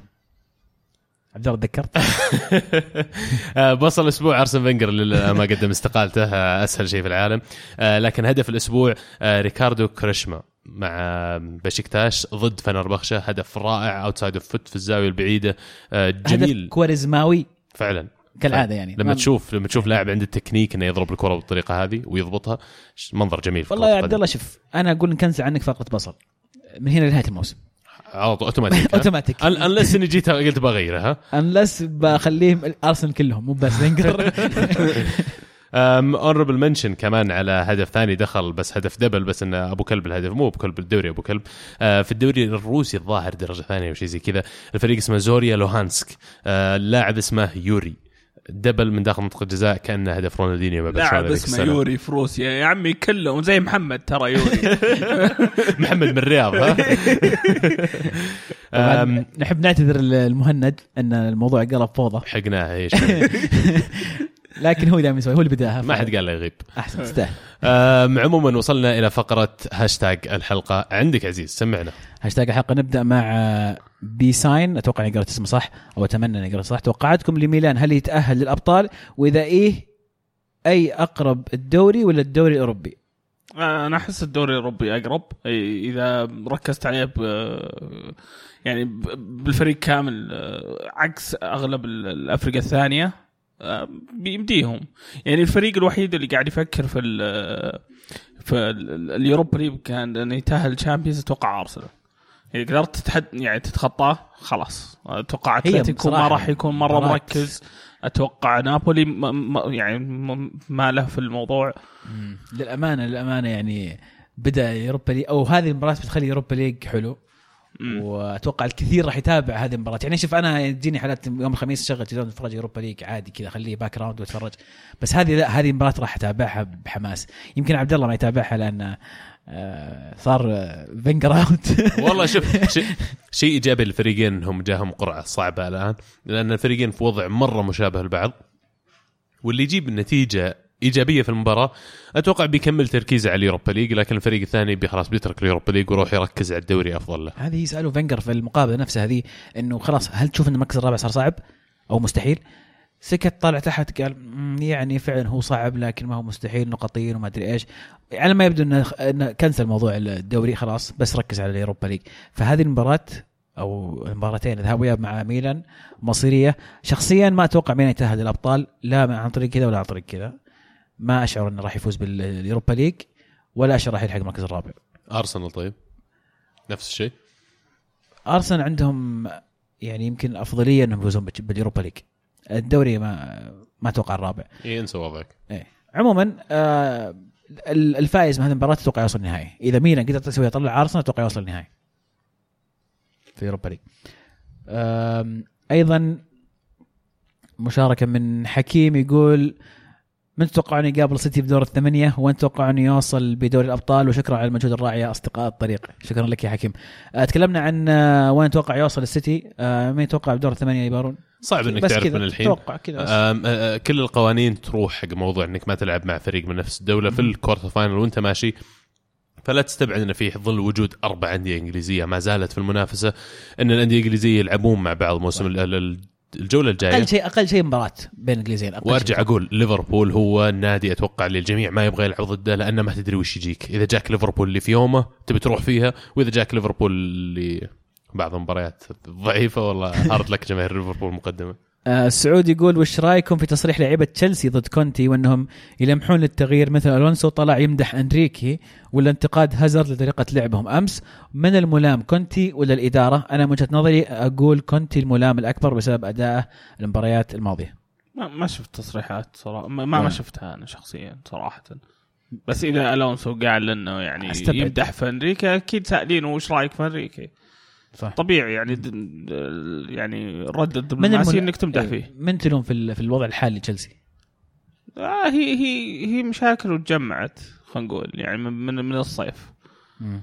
ويعني كل كل له دوره يعني و يعني خلينا نقول الإدارة بالبداية ما المفروض يعني كان جابت صفقات أفضل من كذا. درينك واتر آه، ما كان ذاك الزود صراحة. آه، في في كم صفقة ما كانت كويسة. آه، باكايوكو توقعنا أكثر. آه، موراتا الناس متوقعين منه أكثر من اللي المفروض يسويه. آه، وبعدين كونتي ما ما تعامل مع الموضوع بالشكل الصحيح خلينا نقول. يعني إذا إذا إذا أنت تشوف إن اللعيبة اللي عندك ما يقدرون يمشون بالتكتيك اللي أنت تبيه تقدر تغير. تقدر تغير التكتيك للامانه أنا أشوف يعني. الموسم هذا غير تسكي... غير تكتيك عن الموسم الماضي. جرب جرب قاعد جرب كم شيء. اللي هو ال false nine جرب اللي هي سالفة آه، اللي هي واحد اثنين اللي هي هازارد ورا موراتا. بس ما استمر على ولا واحدة منهم. رجع رجع لل- للأربعة آه، ثلاثة أربعة ثلاثة. في النهاية ويعني استمر عليها وبعدين يوم درى أن برشلونة جاية رجع لل false nine. فما ما كان في استمرار على الموضوع. طلال يقول نوير أو شتيجن في مرمى ألمانيا بروسيا. ولو لعب نوير آخر عشر مباريات قبل كأس العالم. والله شتيجن قاعد يثبت إنه واحد من أفضل الحراس في أوروبا الموسم هذا. يعتمد بشكل أساسي على اختيار لوف إنه هل يبغى يكمل مع الإستمرارية الحارس اللي عارفه اللي حقق معاه كأس العالم يعني ولا إنه يبغى ي stick مع ال form ولا الفورمة الحالية. هذا السؤال. بلا شك شتيجن يعني مؤخرا يقدم مستويات رائعة. آه راح يعتمد بشكل كبير على آخر عشر على, على مباريات. رجعة نوير. على رجعة نوير. إذا رو... آه، نوير رجع 100% بالنسبة لي دائما نوير. يعني هو عادة الخيار الأول بيكون نوير. إيه. بس إذا رجع ومستواه ما كان ذاك الزود بالضبط. هل إيه. هل ممكن نشوف يعني شتيجن أساسي ونوير احتياط؟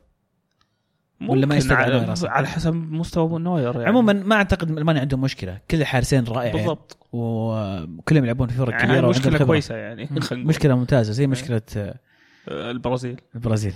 مع إني أتوقع أدرسون بالنسبة للبرازيل بيكون أفضل يعني لاعب يلعب بالرجوله أحسن.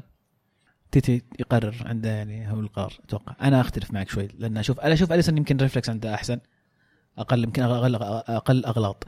الشهراني يقول ليفربول أعجبني جدا توازن الفريق واستمراره في النتائج الإيجابية وهذا الاستمرار إن شاء الله يستمر إلى الموسم القادم لينافس على لقب البريمير ليج بإذن الله. توقعاتي الموسم القادم منافسة بين الزعيم ومانشستر يونايتد على لقب الدوري وإن شاء الله نرد دين 2009 إن لم يخربها كلوب كالعادة. الزعيم هو ليفربول. الزعيم هو ليفربول. ويجي. ويجي لو ألما موجود إيش بيقول الزعيم يلعب في في الدوري السعودي إيش دخله في إنجلترا؟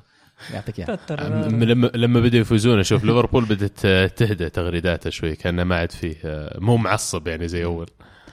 آه ليفربول ينافس الموسم الجاي. قادر إنه ينافس؟ لا يا أخي صعب. أشوف وضعهم الآن مثل سبيرز. التشكيلة حقتهم starting 11 ال 11 اللي يلعبون اساسيا ممتازين على كفاءة عالية. لكن أنت تعتمد الآن بشكل مهول على صلاح إنه يسجل الأهداف. طيب صلاح أصيب مثلا. ما تقدر تتوقع إن صلاح بيكمل موسمين ولا ثلاث مواسم ورا بعض بدون ما تفقده فترات منها. فأنت الآن قاعد تصير حظك كويس مع صلاح والإصابات. ما جتها إصابات آه، كسر ظهر الرقم القياسي أو قرب إنه يكسر يكسر الرقم القياسي لأكثر عدد أهداف مسجل في الموسم الواحد لليفربول.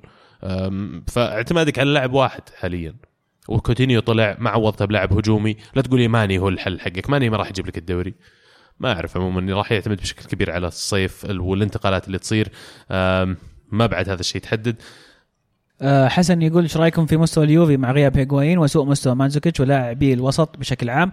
الفوز على لاتسيو كان بمجهود شخصي من ديبالا واللعب كان كارثي. أتفق معك آه، حسن في موضوع المستوى كان ما كان في آه، أفضل حال. مانزوكيتش أعتقد نسى كيف يلعب راس حربة للأمانة. أتوقع إنه من كثر ما لعب على الجناح نسى أدوار المهاجم. آه عودة هيغوايين مهمة لليوفي آه بالذات في مباراة آه سبيرز. سلمان يقول مين تتوقعون راح يكون خليفة مايكل كيريك في اليونايتد الموسم الجاي؟ في أسامي كثيرة أكيد راح يكون من برا اليونايتد. ممكن سكوت مكتوميني يكون أحد الخيارات المرشحة لكن هم محتاجين عدد في الوسط. حاليا عندهم الثلاثي الأساسي اللي قاعد يلعبون فيه الفترة الحاليه بوجبا ماتج ومكتوميني طيب أنت بقى عندك في الاحتياط هيريرا آه فليني بيطلع كاريك بيطلع. اللي بيطلع. بنتي عقده ما بعد جدد عقده. فلازم آه. يأسوم إنه بيطلع لحد الآن أقرب للخروج. أتوقع يقعد يلعب بلاش عادي. بدون بدون عقد. آه، آه، اللي يضحك في الموضوع ان يونايتد يبونه يجلس هو اللي ما يبي يجلس. اقعد إيه، إيه، هذا هذا اقعد فبالنسبة لليونايتد. أكيد أكيد لازم يدخلون سوق الانتقالات ويدورون لهم بدلاء. مو بشرط إن اللي يتعاقدون معهم ترى خلال الصيف يكونون الناس أوه معروفين و100 مليون و80 لا لا بالعكس. يحتاج يصرف ل 20 30 مليون على لاعب لاعبين كذا صغار وعندهم potential يصيرون موجودين يوفرون منافسة للفريق. أيضا خالد يقول مانشستر يونايتد عندهم أسبوع بيحدد مستقبل هذا الموسم. ثلاث مباريات كلها على أرضهم وكل واحدة فيهم تمثل بطولة. ليفربول إشبيليا وبرايتون. شو تعليقكم على الموضوع؟ وهل يفعلها اليونايتد ويفوز فيهم كلهم؟ وأشكركم على البودكاست الرائع. شكرا لك يا خالد على الاستماع. ليفربول إشبيليا؟ ليفربول إشبيليا برايتون. ليش برايتون طيب؟ برايتون الظاهر بيلعبون في ال FA Cup. في ربع آه، النهائي. أوكي. واشبيليا النهائي طبعا Champions. League؟ أتوقع إشبيليا في أرضهم. المفروض أنها تكون مباراة شوف مباراة الدوري أنا ما أشوف لها هذيك الأهمية لأن حتى أوكي مع إن ليفربول عشان الموضوع بينهم كلاسيكو وغيره بتصير النتيجة مهمة. أم، هو ثاني ثالث يعني. بالضبط موضوع ثاني ثالث. أنت الثاني والثالث والرابع كلهم نفس الشيء. وبالنسبة لمورينيو بالذات يستوعب ان حتى الرابع بالنسبة له زي المركز الثاني. فشويه اثنين ثلاثة أربعة خمسة مليون فرق في الجوائز. ما تسوى إنك حتى المباراة هذه تلقى مورينيو بيدخل يبي صفر صفر حتى. أي ما فرقت معه بس إنه تجي مباراة اشبيليا فعلا اللي هو يبغى يوصل في ال Champions أبعد حد يقدر لأنه لما أجي الصيف لو لما يجي الصيف وأجي عند بعض اللاعبين أبغى أتعاقد معاهم بيقول لي إنت سويت الموسم الماضي بقول له تعال أنا وصلت quarter final ال Champions League ولا ال semi final ولا حتى ال final فهذا بيكون فيه دافع كبير للفريق وحتى دفعة معنوية للاعبين الموجودين. أما مباراة برايتون برايتون مع أنهم توهم فازوا على ارسنال 2-1 آه، في الدوري. أتوقع أن يونايتد عنده الخبرة الكافية والعناصر الكافية أنها تحسم لهم مباراة ال FA Cup ويتأهلون لل semi final آه، جنون أرسنال يقول أول مرة أشوف فريقي وأضحك عليه. مخيتاريان عبارة عن مقلب ومدون الأرقام فقط. كأرقام يملك مخيتاريان assist لكل مباراة مع أرسنال لكن الحقيقة أنه مجرد ثلاثة assist في أول مباراة. واختفى بعدها. يلا هانت يجينا مدرب السنة الجاية وتزين أمورنا. وعلى طاري المدرب أطالب عوده الرقم للهاشتاج. ما له دخل مدرب. لكن عجبني تفاؤلك إنك تتوقع إنه يجيكم مدرب سنة جاية. أنا أتوقع فينجر ما زال عنده آه، سنة في عقده وما أتوقع إنه يمشي. غير غير مقبول يا أخي. اللي قاعد يصير غير مقبول وأكيد هو يتحمل جزء كبير منه. حان وقت التغيير أكثر اسم آه، ذكروه الصحافة لاستبداله. آه، خواكيم لوف مدرب منتخب ألمانيا. والاسم الثاني بعد مدرب ما أدري هو فرايبورغ ولا أحد الأندية الألمانية عمره 30 سنة أو 32 سنة المدرب صغير أنا ما أتوقع هوفنهايم مدرب هوفنهايم. مدرب هوفنهايم. أستبعد إنه يكون هو. آه، لكن لو حصل كونتي مدرب تشيلسي آه، مو شيء ممتاز شيء رائع بالنسبة كنت أتوقع راجع إيطاليا. مو المنتخب راجع يدرب في إيطاليا والاقرب ميلان إلا إذا جاتوزو يعني مرة كان رائع مرة بشكل يعني جاب لهم ال Europa League و... طيب يمكن كونتي يجيب ال Champions طيب. آه أوكي. بس. آه، أتمنى ما يكمل عقده فعلا الموسم الجاي شيء مضحك اللي قاعد يصير شيء مضحك. استدلال من نخ... من نخاع يقول هل حسمت جائزة الأفضل في ال Premier League لدي بروين؟ وهل لدى كين وصلاح فرصة لنزعها من دي بروين؟ بكل صراحة يستاهل صلاح بس مشكلته جاء في زمن دي بروين وما هي الأرقام القياسية التي سيحطمها السيتي بعد تحقيقه للدوري؟ للأسف إني أنا أختلف مع للأسف لدي بروين إنه جاء في وقت صلاح قاعد يسوي اللي يسويه الموسم هذا. آه، دي بروين يستاهل صدق إنه نعطيه تحية على اللي قاعد يقدمه. هو هاري كين لكن صلاح بالنسبة لي كان أفضل من البقية هذا الموسم.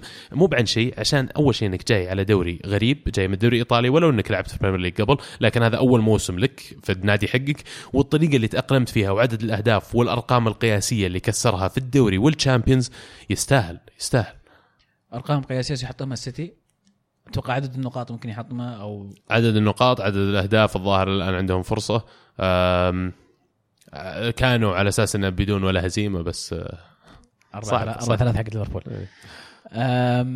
عبد الله يقول لا يوجد بصراحة عذر لكونتي. فريقك ذا تقريبا هو نفسه الفريق اللي حقق الدوري الموسم الماضي ما عدا كوستا اللي طرده بنفسه هو.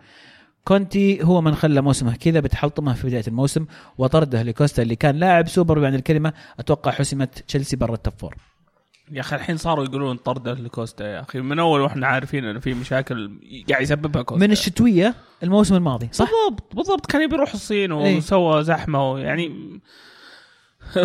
قاعدين يلومون كونتي على الموضوع الحين. آه، لاعب ممتاز ما ما يعني ما نقصه الشيء هذا. بس يعني ما لوم كونتي على طلعته.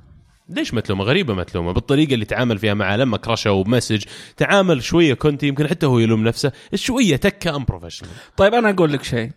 تخيل عندك موظف ممتاز شغله كله ممتاز. بس مو مزبوط ولما يرد على الناس يسبسب وكذا. بتخليه والله إذا كان الموظف اللي بيجيبه مكانه زبال. ما جاب مكان زبال. شوف أنا مدرب. أنا قبل ما أصير شيء أنا أدير هذا اللاعبين اللي تحتي وأنا رئيس للجهاز بالضبط، الإداري. بالضبط. لازم أدير هذا اللاعب. أنا أعرف أهميته. هذا unmanageable اسمح لي يعني. بس حققت الدوري معه وكان دور رئيسي صح ولا لا؟ لا. كوستا. فأنت المفروض أدرت هذا الموضوع. ما خليت الموضوع يقلب شخصي بينك وبينه. اللاعب هو اللي قاعد يتصرف غلط. هو هو اللي راح قال أبي أروح الصين وسوى الزحمة هذه. مو مو المدرب اللي قال ما أنا. أبي أبيعه. وأنا ما أختلف بس المدرب المفروض كبر راسه قصدي يعرف كيف يحتويه. عارفين دييغو كوستا لاعب بشكلجي كوستا خلاص حط في باله من يناير أبي اطلع هنا السالفة. أنا بس أشوف ان المدرب كان ممكن يتعامل بطريقة دبلوماسيه أكثر شوي. لا صح إنه يمكن ما خلى كوستا يجلس بس كان يمكن قعدته موسم زيادة على الأقل. لا وبعدين إذا اللاعب يبي يطلع بقلعه وادرين يعني معليش. يعني ما وقفت عليه ما عليه عادي. يبي يطلع عشان المدرب هذا التيشيرت. أفضل. لا معليش التيشيرت أكبر منه معليش. لا يبي يشوف نفسه على النادي ما الباب كبير. اما أما التحلطم فأتوقع يعني أنا نوهت كفاية. قبل ما أول ما جاء كونتي ترى بي- هذا اللي بيصير بالضبط. بيصير أول موسم ممتاز ثم بيبدأ يتحلطم في وسط هذا وبيجيب العيد في ال Champions League انه قاعد ما يعرف يدور و و إلى آخره. فإلى الآن توقعاتي ماشية صح. النبوءة قاعد؟ طيب في مشاركة من شبيح مورينيو مضحكة فلازم أقراها صراحة. اللي يقول الاسطوره مورينيو يدرس كونتي تكتيكيا ويخليه يعض الأرض مع فريق متهالك. هنا يكمن الفرق بالمدرب عندما يأتي مدرب مثل مورينيو مع فريق كان حدها الخامس والسادس في المواسم الماضية ويجلده مع فريق حقق الدوري تعلم الفرق الشاسع بين أسطورة وأبو باروكة. أبو فاروق المضحك. المضحك إن كونتي جاء بعد مورينيو بعد ما كانوا في أرب... في العاشر أيوه. وجاء اخذ الدوري. أشكرك. تستهبل. أشكرك أنت رديت. أحب مورينيو. أنا لسه لسه يعني أمتن لمورينيو. بس بلا استهبال. لا تقعد تناظر الموضوع من منظورك انت بس لحالك كذا والموضوع أكبر من اللي قاعد تتكلم عنه معليش. مورينيو الآن ما جاب الدوري مع مانشستر يونايتد. ال- ال- المحنك تكتيكيا يعني. بس يعني ما بس- جاب بس الدوري مع أقول. يونايتد إيه. فعلاً كرة بعد القدم. انت بعد تستعبط. كرة القدم. تغيرت يا أخي. أحس الآن ما عاد يعني يمكن يضحكني أرسنال يقول هالكلام لكن الآن ما عاد بتشوف مدربين يقعدون بعد سنتين ثلاث سنين مع الأندية. سنتين ثلاث سنين هي غاية الموضوع ومنتهى. أنت تجي تسوي دور معين وتمشي المدربين اللي يجون يطمحون انهم يقعدون لاكثر من ثلاث سنين أنا أشوف غلطانين. سكوت. جايك اولمن سكوت يا عبد الله. أوف أوف أوف. بس بالعربي شكله يتعلم عربي okay. يقول أسأل عبد الله هل فكرت تترك أرسنال الفترة الأخيرة؟ نتطلق يعني.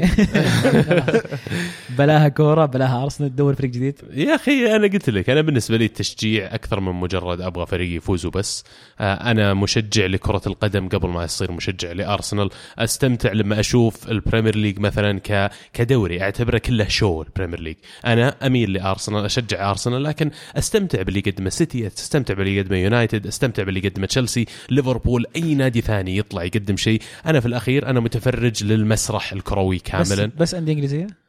لا يعني ينطبق الموضوع على ال Champions League مع إني مو مشارك فيه أتفرج على ال Champions League. أحرص عليه أكثر مما أحرص على ال Europa League. فموضوع التشجيع المفروض إنه ما ياخذ أكثر من الحجم هذا. لا تنسون إن هم قاعدين يقدمون لكم show أو عرض وأنت قاعد تدفع عشان تتفرج على تتفرج على العرض. استمتع يا أخي لا تتعصب. في مشاركة من معاذ يقول هل تشوفون أن قصات الشعر ووسائل التواصل والزخم الإعلامي مؤثر على قيمة اللاعب السوقية؟ ويا ريت لو في طريقة نقدر نساعدكم فيها غير ال retweet. وشكرا. يا أخي شكرا لو كذا شكرا لك يا معاذ. اولا يعني آه، كلامك ودعمكم واستماعكم وال retweet طبعا كلها كلها تدعمنا وشاكرين لكم. آه، في طريقه ثانية يا عبد الله يدعمنا. والله ما نستغني ما نستغني. اللي يجي في باله أي طريقة ممكن يعني نعمل معاه ونطور من اللي قاعدين نقدمه. بالعكس إحنا أيدينا دائما تمتد للناس اللي آه، آه، يبون آه، خلينا نقول يبنون أسر التواصل. وفي الديسكربشن راح تلقون حساب يعني حولوا فيه. رقم الحساب دعمنا ديك.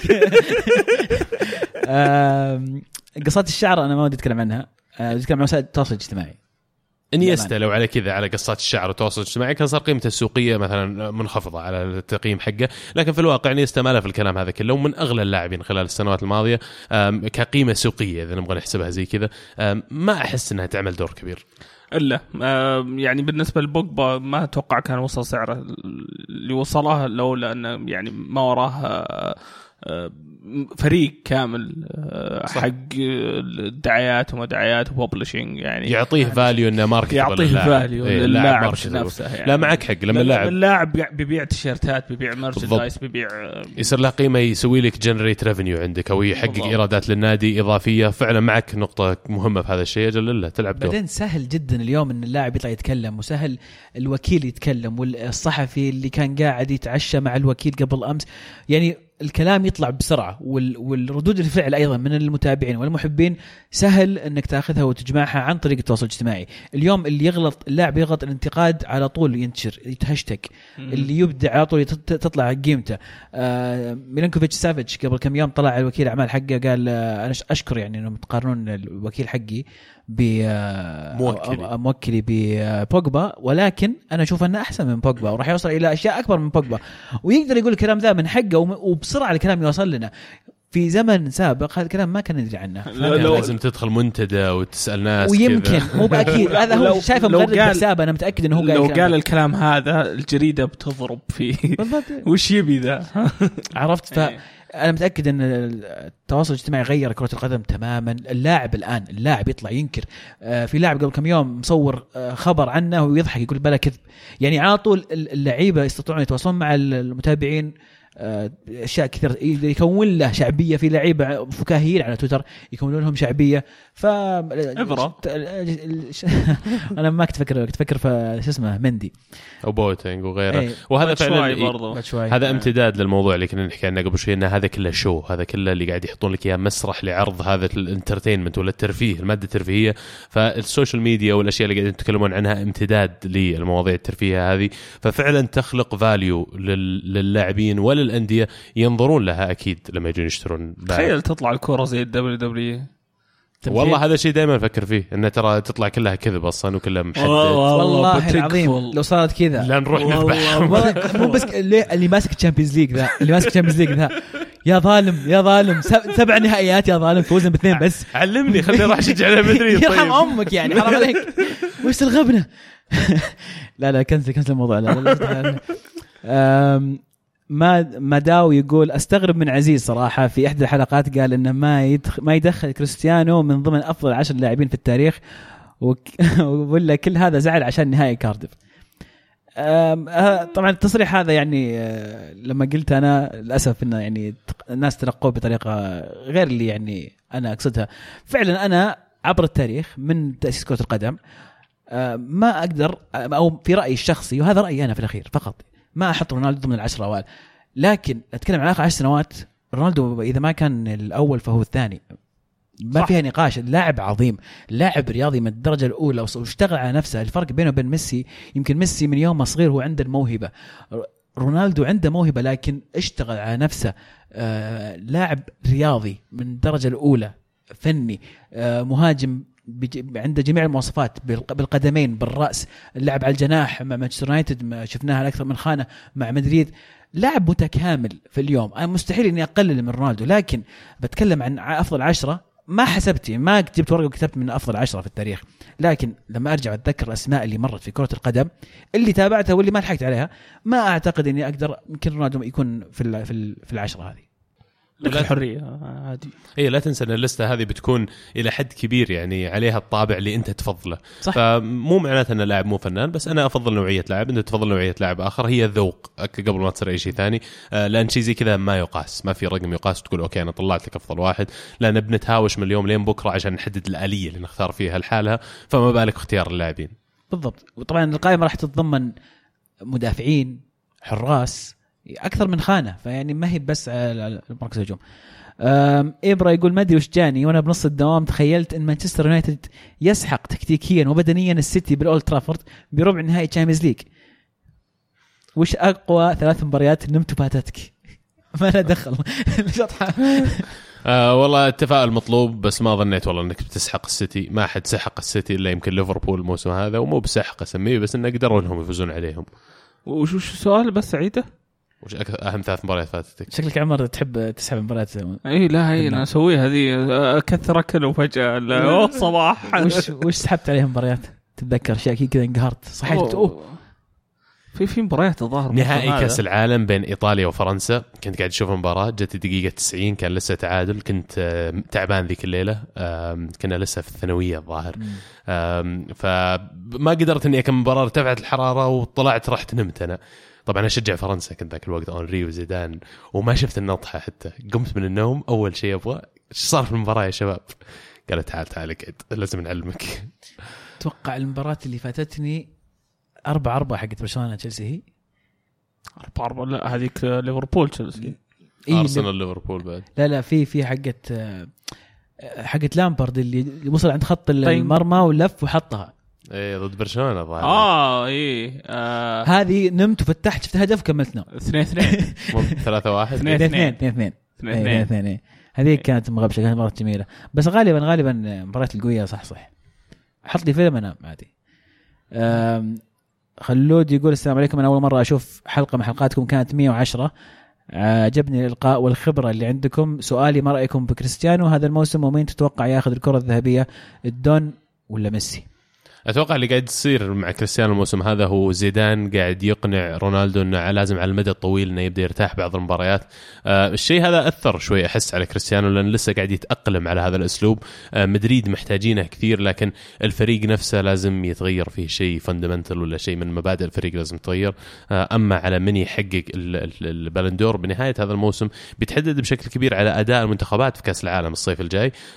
رونالدو لا تستبعد إنه يكون أحد اللاعبين المرشحين أو المرشح الأول إذا مدريد حققوا ال Champions League والبرتغال وصلوا شيء بعد ال semi-final في كأس العالم. ال semi-final أو ال final تخيل البرتغال يفوزون بكأس العالم. رونالدو. كذا تعرف يرجع إسبانيا كذا يقعد يقول لميسي وش عندك أنت؟ أتوقع أتوقع والعلم عند الله إن اللي راح يفوز بالبلندور راح يكون فريق منتخب واصل نهائي كأس العالم. هذا توقعي. سواء فاز فيه ولا ما فاز فيه هذا شيء ثاني. لكن كذا إحساس إنه شخص راح يكون في في, في النهائي موجود هو نفسه اللي راح يفوز بالبلندور. يعني لو المنتخب السعودي ضد المنتخب المصري على النهائي واحد منهم بياخذ بلندور محمد صلاح أكيد. ليش طيب؟ واحد من أو فهد المولد. اللي على الطاري آه تم اقاله مدرب آه، ليفانتي. إيه سمعت. وهذا البصلة اللي كنت بعطيها قبل شوي كنت ناسيها كنت بقول البصلة هي الأندية الأسبانية اللي مو راضية تلعب عيالنا والله يا أخي لعبوهم يا أخي وش الكلام ذا مشاركة أخيرة من حمزة يقول متعة ليفربول تتلخص في الهدف الثاني. تجانس تفاهم جميل في جميع خطوط الفريق. حمزة أتفق معك. جميل ليفربول آه، في حالة الهجوم وقبيح في حالة الدفاع وهذه مشكلة ليفربول الأساسية. بس قاعدين يحافظون على clean sheets ترى الفترة الماضية. صحيح. صح إنه في ال Premier. League بس قاعد مم. تحسن الدفاع بشكل كبير. صحيح. آه ارنولد شو اسمه اللي على اليسار آه، ظهير يسار. أي نعم. آه، إيه. آه، الكسندر ارنولد آه، قاعد يقدم مستوى رائع. ال- ال- ال- الترتيب ليفربول دفاعيا قاعد يتحسن كثير. حتى كاريوس ترى ال ال إذا كمل تصاعد مستواه زي ما قاعد يتصاعد خلال الس- ال- الشهر الماضي تقريبا أتوقع يمكن ليفربول ما يحتاجون حارس بنهايه فعلا يمكن الموسم. أنا معلق على أسطوانة قديمة حق الدفاع. فعلا ليفربول مؤخرا متحسن لكن ما ما شاء الله ما نبغى نحسدهم خلينا نشوف إيش يصير. لا يعني ينتكسون ويرجعون حركات ليفربولويه دفاعيه تكلم آخر أربع مباريات ما دخل عليهم إلا هدف واحد. يعني ترى شيء record. رائع. بالذات لما تقارن وضعهم في بدايه الموسم. ومسجلين 14 جول في أو 13 جول. يعطيكم العافية جميعا. شكرا لكل من شاركنا. آه. ذكرنا الأسئلة اللي ما طرقنا لها في أثناء حديثنا. شاركونا الأسبوع القادم على هاشتاج الكره اندرسكور معنا. لا تنسونا. وموضوع أخير بعد إحنا نعزي جميع آه اسره كرة القدم السعودية. آه توفي صباح الاثنين حارس منتخب النصر حارس نادي النصر والمنتخب سابقا آه آه، شاكر العليان. آه شاكر العليان للي ما يعرفه كان جزء من المنتخب السعودي اللي شارك في كأس العالم للناشئين عام 89 وحققوا بطولة كأس العالم. أتى بأول إنجاز كبير لل- لل- للمنتخب على مستوى الناشئين. آه وجاب عدة بطولات مع النصر منها كأس الملك 94 95 كاس الخليج 95 96 آه، وحتى لعب في بطولة كأس آسيا للمنتخبات 92 اللي خذ فيها جائزة أفضل حارس. الله يغفر له ويرحمه تعازينا لأسرة الفقيد ولكل الكرة السعودية عامة. فعلا الله يرحمه والتعازي موصوله لكل محبينا والعائلته طبعا أكيد. راح يكون عندنا حلقة إن شاء الله يوم الخميس. بإذن الله عبد تناقش الله تسمح لنا نسوي حلقة قبل ال Europa League ولا تبغى نأجلها لبعد؟ والله شوف أنا حطيت لهم شرط. قلت لهم سووا هاشتاجوها إذا راحت viral ابد يقول لك الهاشتاج وصل أربع تغريدات. يكفي ولا لسه؟ أنا ما أبغى شيء. 996 ونوصل 1000 وأبشروا. أوكي. آه إن شاء الله يكون في حلقة يوم الخميس. آه تابعونا حنتكلم عن مباريات الجزء الأول من إياب دور 16 قلتها صح؟ صح. وأيضا مباريات الأندية السعودية. في دوري أبطال آسيا. بالتوفيق لجميع المشاركين. ألعاب؟ ألعاب. آه مبروك أحمد الراشد. أحب ابارك؟ أحب ابارك؟ لأحمد الراشد.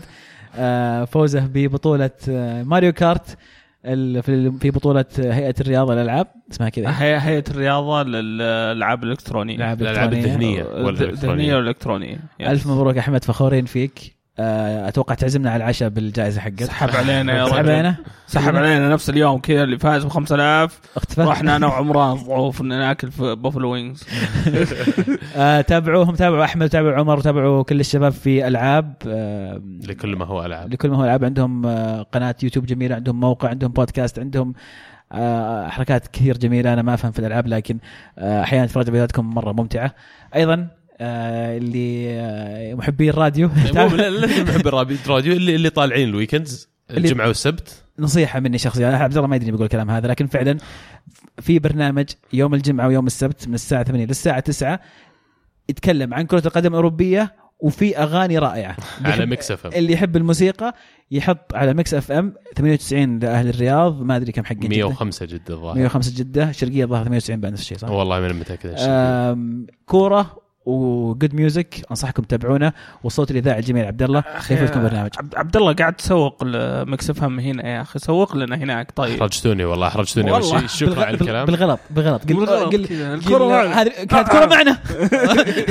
أنا أنا أدعو المستمعين ان إذا أي أحد دق أبد جيب طاري كرة معنا أنا لأن في الواحد يعني أشياء معينة يقدر يحكي عنها وأشياء لا آه لازم التفرقة ما بين الأشياء بشكل عام.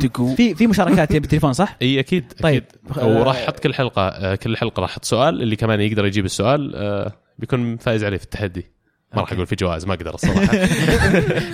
آه، لكن كانت هذه المواضيع اللي معنا اليوم نتمنى تكونوا استمتعتوا معنا.